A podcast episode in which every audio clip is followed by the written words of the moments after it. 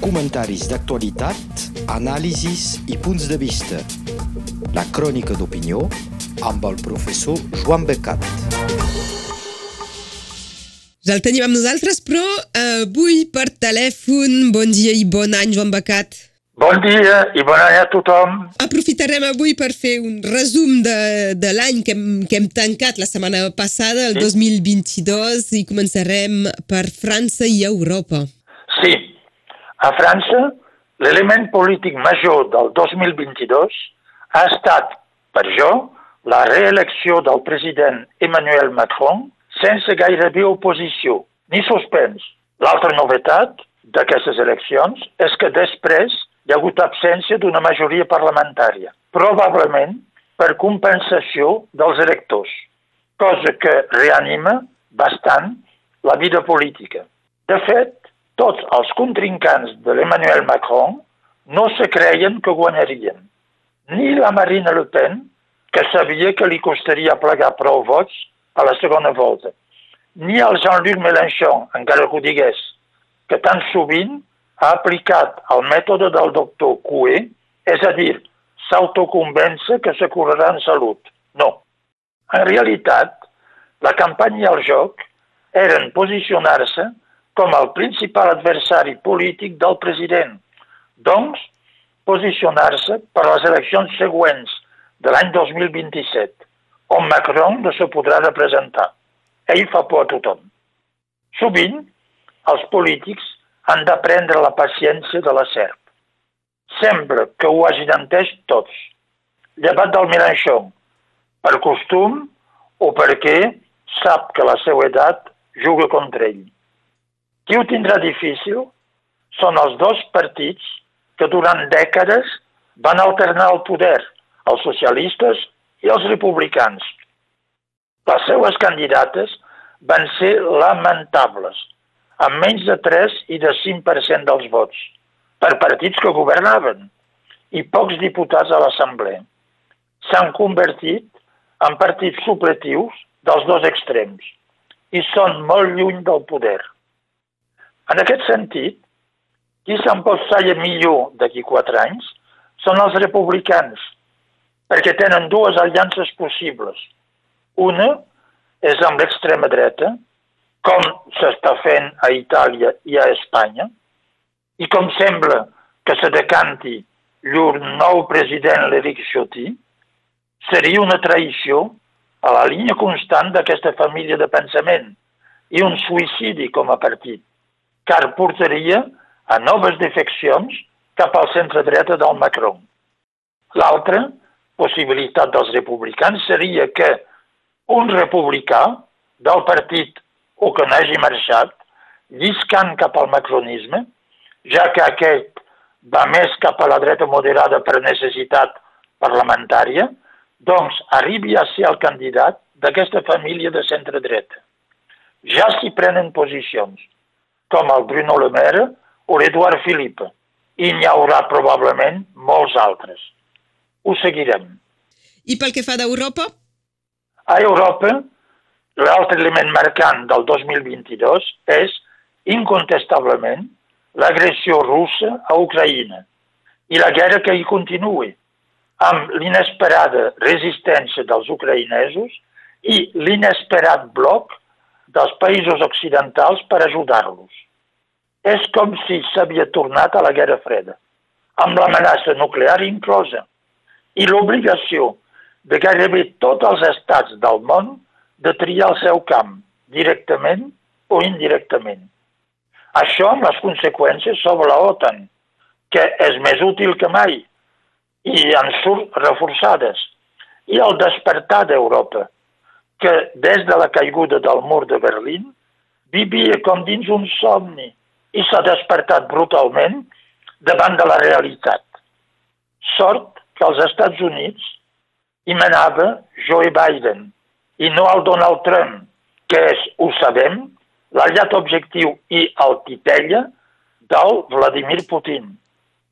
També hi ha conseqüències immediates sobre els estats europeus, que eren dins l'antiga Unió Soviètica o que n'eren satèl·lits i que ells tenen por de debò i s'han posat fermament del costat eh, d'Ucraïna.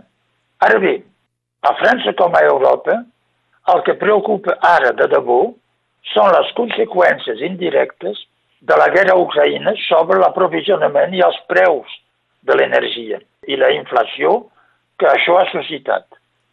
Es té clarament la sensació que s'ha acabat una època i obliga tots els estats a repensar les estratègies de cara a les fonts d'energia i fins i tot canvia les aliances dins la Unió Europea. En efecte, com que l'Alemanya de l'Angela Merkel, per pressió dels ecologistes, havia decidit de passar-se del nuclear per anar cap al gas rus i que aquest li va ser tallat, l'actual govern alemany socialdemòcrata va pel seu compte i s'ha tallat, de fet, la tradicional parella franco-alemanya que portava la Unió Europea.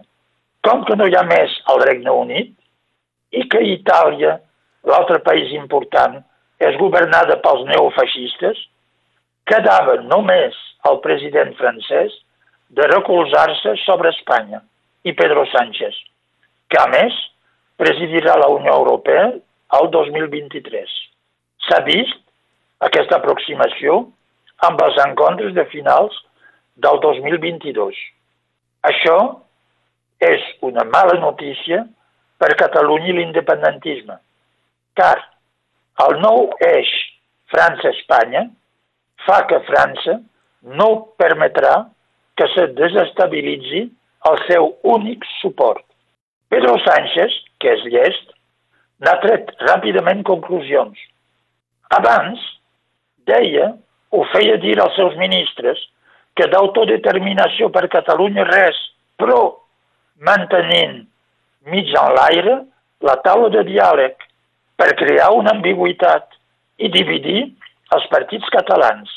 Ara, tot d'una, del dia a l'endemà, s'ha fet clar i contundent. No s'amaga de res.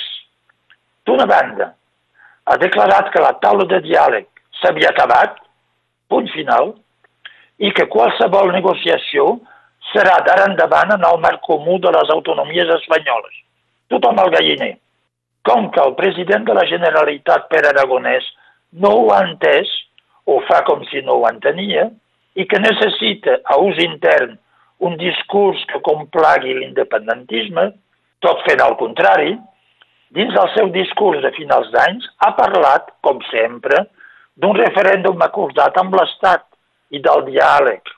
Pedro Sánchez l'ha tallat el dia mateix, en sec, i va ser clar i brutal, fins i tot menyspreant els seus aliats de fets d'Esquerra Republicana. Va dir, el dossier català està tancat i no hi ha res a negociar. Textualment, poden demanar el que vulguin, no tindran mai res. Pedro Sánchez se sent fort.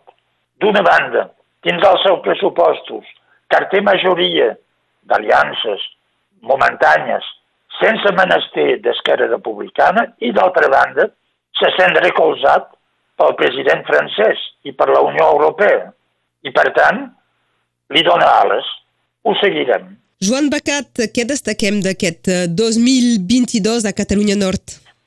Doncs, a Catalunya Nord, el balanç 2022 és molt senzill. Secada i secada. Secada política i secada climàtica.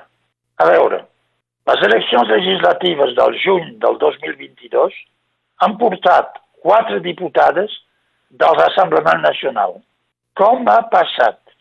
Antimacronisme, prepotència dels insubmisos sobre l'esquerra, dolents candidats, candidats pirates a dreta com a l'esquerra i un resultat de quatre adjuntes del Batlle de Perpinyà com a diputades.